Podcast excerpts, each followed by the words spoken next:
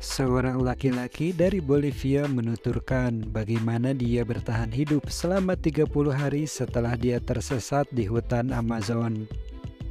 Jonathan Acosta, 30 tahun, terpisah dari keempat temannya saat sedang berburu di Bolivia Utara. Dia mengaku meminum air hujan yang terkumpul di sepatunya dan memakan cacing dan serangga sambil bersembunyi dari binatang jaguar dan pekari sejenis mamalia mirip babi. Acosta akhirnya ditemukan oleh regu pencari yang terdiri dari penduduk setempat dan teman-temannya sebulan setelah dia hilang.